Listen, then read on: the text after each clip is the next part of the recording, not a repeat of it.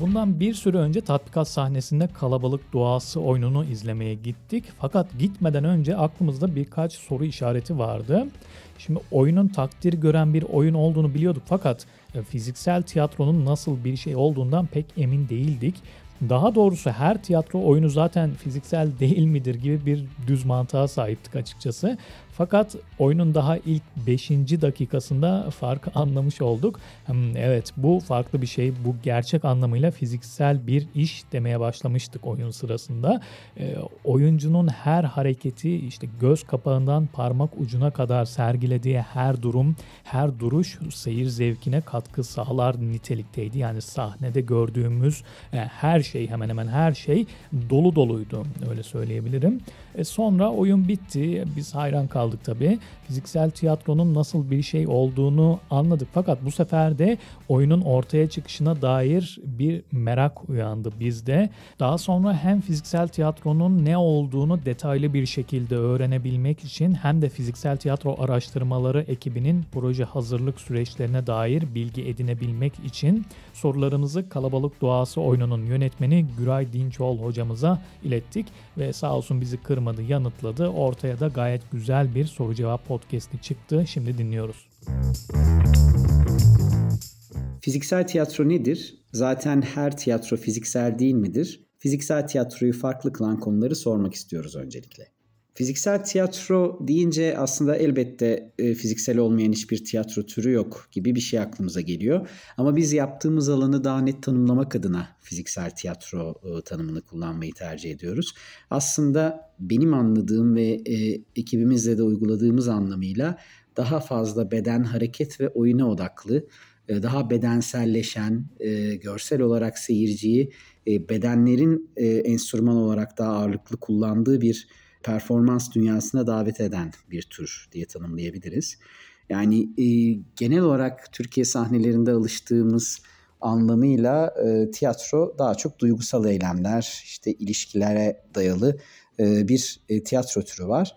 E, bunun dışında e, her şeyin gerçekçi olmasının gerekmediği, e, sadece kendi oyun alanını, oyun uzamını yaratan ve bunun içinde de enstrüman olarak bedeni ve bedenin sağladığı olanakları kullanan bir tiyatro türü diyebiliriz. İşte bu noktada sirkle kesişim kümesi var, e, dans sanatlarıyla kesişim kümesi var, e, sporla kesişim kümeleri var. Yani bedenin aktif olduğu ve bedenin olanaklarının da e, oyuncu içinde, seyirci içinde bir tür deneyime döndüğü bir tiyatro türü diyebiliriz. Fiziksel tiyatro araştırmaları nasıl bir motivasyonla kuruldu? Ne gibi çalışmalar gerçekleştiriyor? E, fiziksel tiyatro araştırmaları adından da anlaşıldığı gibi iki e, ana çatıya odaklı kuruldu. Yani bir araştırma yapmak, yani bir sonuca odaklanmaktan ziyade e, bir tür sevdiğimiz teatral biçimleri üretim kaygısını ikinci planda tutarak en başta araştırmak, birlikte ekibimizle birlikte bir keşif süreci gerçekleştirip bunun son noktasını da çıkan eseri de işi de seyirciyle paylaşmak ve bunu da e, yapmayı sevdiğimiz ve tercih ettiğimiz fiziksel tiyatro teknikleri üzerinden yapıyoruz.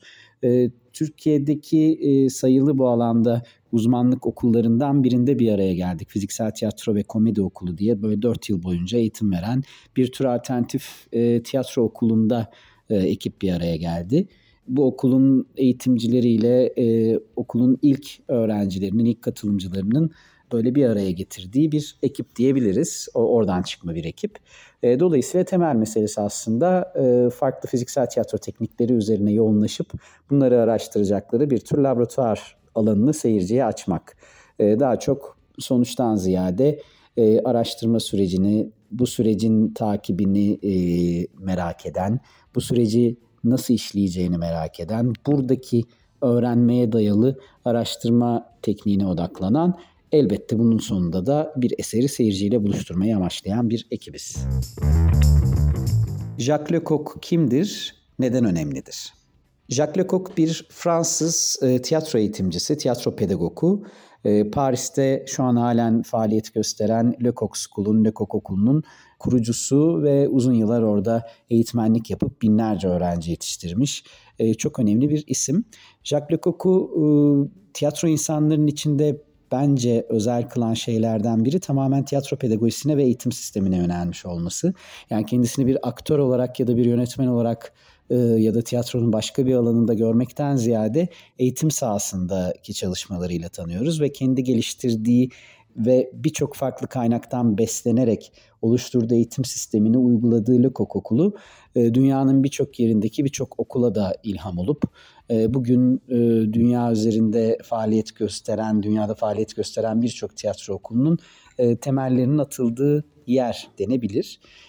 Yaptığı şey bizce alameti farikası şu, çok farklı geleneklerin, farklı ülkelerin, insanlık tarihinin farklı evleri, evrelerindeki tiyatro yapış biçimlerinin, sporun e, ve aslında çağdaş sanatın, e, plastik sanatların hepsinin bir araya geçtiği e, bir e, hibrit melez bir tiyatro dili yaratıyor. Yani aslında yaptığı şeydeki birimlere baktığımızda özgün değil ama totalde üretilen pedagoji oldukça özgün ve e, çok kendine has e, ve özellikle de öğrenciler için, okulun öğrencileri için e, bir tür yaratıcı kanalı zorlayan, açan iyi birer üretici, iyi bir tiyatro üreticisi potansiyeli sağlamak adına onu kışkırtan bir sürü donanım sağlıyor okul. O yüzden de e, hala oldukça çarpıcı e, iki yıl süren bir eğitimi var. Bu iki yıllık eğitim sürecinin sonunda e, arzu edilirse bir yılda e, pedagojik training, bir pedago pedagoji eğitimi alıyor e, okula devam eden kişiler. Ya aslında 2 artı 1 e, yıllık bir eğitim programı öneriyor Lecoq Okulu. Lecoq şu an vefat etti, yaşamıyor ama e, hala okul ve ekol hem Paris'teki okulda hem de dünyanın farklı okullarında e, devam etmekte ve birçok Lecoq e, ekolünden mezun oyuncu e, hala dünyanın her yerinde e, işler çıkarmakta. O yüzden hem uluslararası bir şöhreti oluşu ve dünyaya yayılan bir e, yaratım ağı geliştirmesi, hem farklı kaynaklardan beslenmesi, hem bütün bunları bir araya getirerek kendine has, özgün bir tiyatro stili oluşturması, hem de oldukça yaratıcı bir kanal açması e, özellikle okulun öğrencilerine ve geleceğin tiyatro yapıcılarına. Bu anlamda e, tiyatro tarihinin önemli figürlerinden biri ve fiziksel tiyatro dediğimiz mevhumu bugün e, bu kadar dünya üzerinde duyulur bilinir olmasını sağlayan çok önemli isimlerden biri. William Shakespeare'in Macbeth oyunundan uyarlanan Şatonun altında ilk projeniz oldu. İkinci oyununuz ise Kalabalık Duası. Oyun seçimlerinizde hangi konulara dikkat ediyorsunuz? Her eser fiziksel tiyatroya uygun mudur, uyarlanabilir mi? Bir Şatonun altında bizim ilk çıkış oyunumuzda evet. E, kendisi okulda fiziksel tiyatro ve komedi okulunda çalıştığımız stillerden e, grotesk e, biçimlerden biri olan e, Buffon dediğimiz bir özel stille çalışıldı. Daha böyle bir Macbeth üzerinden yola çıkan bir uyarlama gibi görünmekle birlikte aslında tamamen özgün bir tiyatro araştırmasıydı. Hem e, biçimsel olarak hem de metin üretim sürecinde. E, ikinci oyunumuzsa taban tabana zıt diyebiliriz. Yani bir Shakespeare oyunu iken ilk projemiz. İkincisi çağdaş bugün yaz, yaşayan e, bir yazar e, arkadaşımız Volkan Çıkıntıoğlu'nun bir metniydi. Tek kişilik bir anlatı tiyatrosuydu diyebiliriz. Yani aslında iki oyun birbiriyle çok farklı. Ama iki oyun ortaklaştığı nokta bir oyuncularının bedensel sınırlarını ve sahne üzerinde o metni seyirciye aktarırken e, oluşturulabilecek bütün o fiziksel sınırları e, ve bariyerleri ortadan kaldırarak yeni bir tiyatral dil geliştirmek.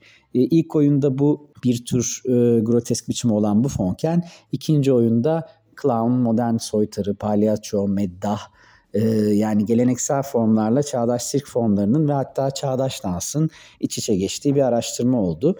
Yani özetle aslında en temelde oyun seçimlerimizde bir konudan ziyade oyunun bizim sevdiğimiz ve araştırmayı önemsediğimiz teatral e, alanlara yol açıp açmadığı.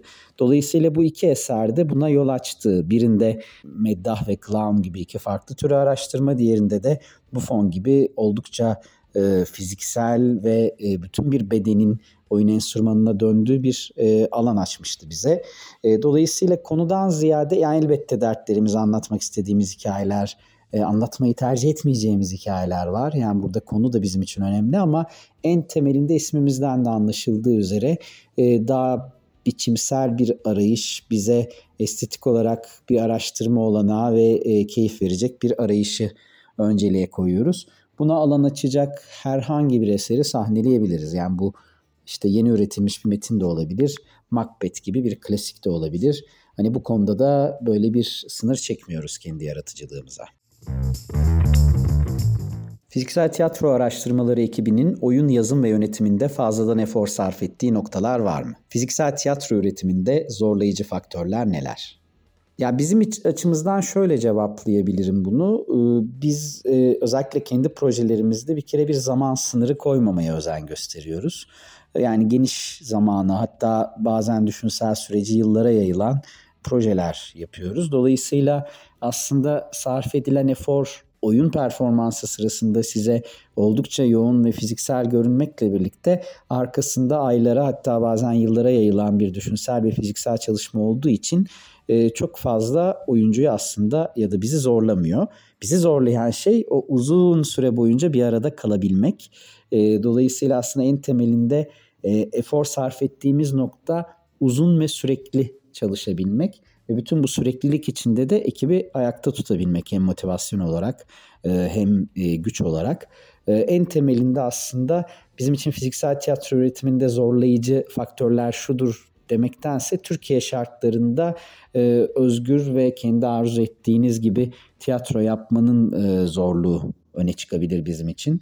E, çünkü uzun yıllara yayılan işte seyirci kaygısını başta gözetmeden daha kendi araştırma arzunuzla yola çıktığınız bir işi Türkiye sahnelerinde ve Türkiye tiyatrosunda ayakta tutmak, e, yaşatabilmek kolay değil. İşte bunun arasını arıyoruz. Yani hem kendi arzu ettiğimiz teatral araştırmalardan vazgeçmeden hem de seyirciyle buluşturabileceğimiz formlar neler bunun üstüne kafa yoruyoruz. Aslında en zorlandığımız nokta da bu. Yani Türkiye gerçekliğiyle kendi araştırma arzumuzu yan yana koyup e, bir özel tiyatro olarak ayakta kalabilmek.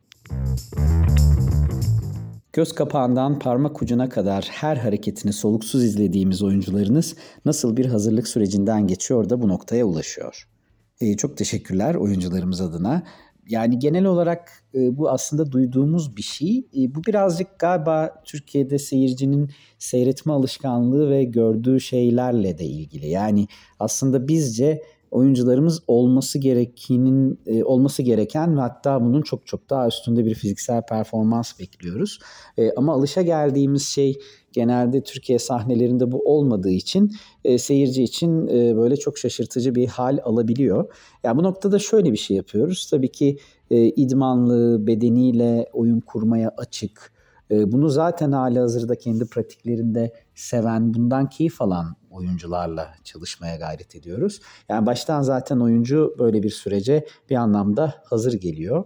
Ee, onun dışında demin de söylediğimiz gibi uzun süreli bir prova takvimi oluşturuyoruz. Yani oyuncuyu kısa vadede hırpalayıp yormaktansa zaman içinde e, hazmederek, demlenerek araştırmalar yapacağı, ona en fiziksel hem ruhsal araştırma, düşünme, hazmetme alanını sağlayacak bir zaman sunmaya gayret ediyoruz. Dolayısıyla oyunun kondisyonu böyle sıkışmıyor, zamana yayılıyor. Oyunu bir tür spora benzetiyoruz o noktada. Yani uzun soluklu bir e, antrenman sürecinin sonunda seyircisiyle buluşuyor. Ama en temelinde aslında bu alanlara meraklı, istekli, arzulu, bedenini enstrüman olarak kullanmakta kendini mutlu ve özgür hisseden oyuncularla buluşup bir de e, zamana yayılan bir antrenman takvimi ve prova takvimi çıkarınca aslında gördüğünüz sonuca ulaşılıyor diyebilirim. Çok teşekkürler. Güray Dinçol hocamıza çok teşekkür ediyorum katılımı için. Biz izleyiciler olarak böyle güzel oyunları daha çok görmek isteriz tabii ki. Ama hocamızın da dediği gibi emek isteyen uzun süreçlerin sonucunda ortaya çıkıyor bu işler, bu güzel işler. Keşke çok daha fazla destek görse bu güzel işler. Belki ileride görür umuduyla bölümü kapatıyorum. Görüşmek dileğiyle.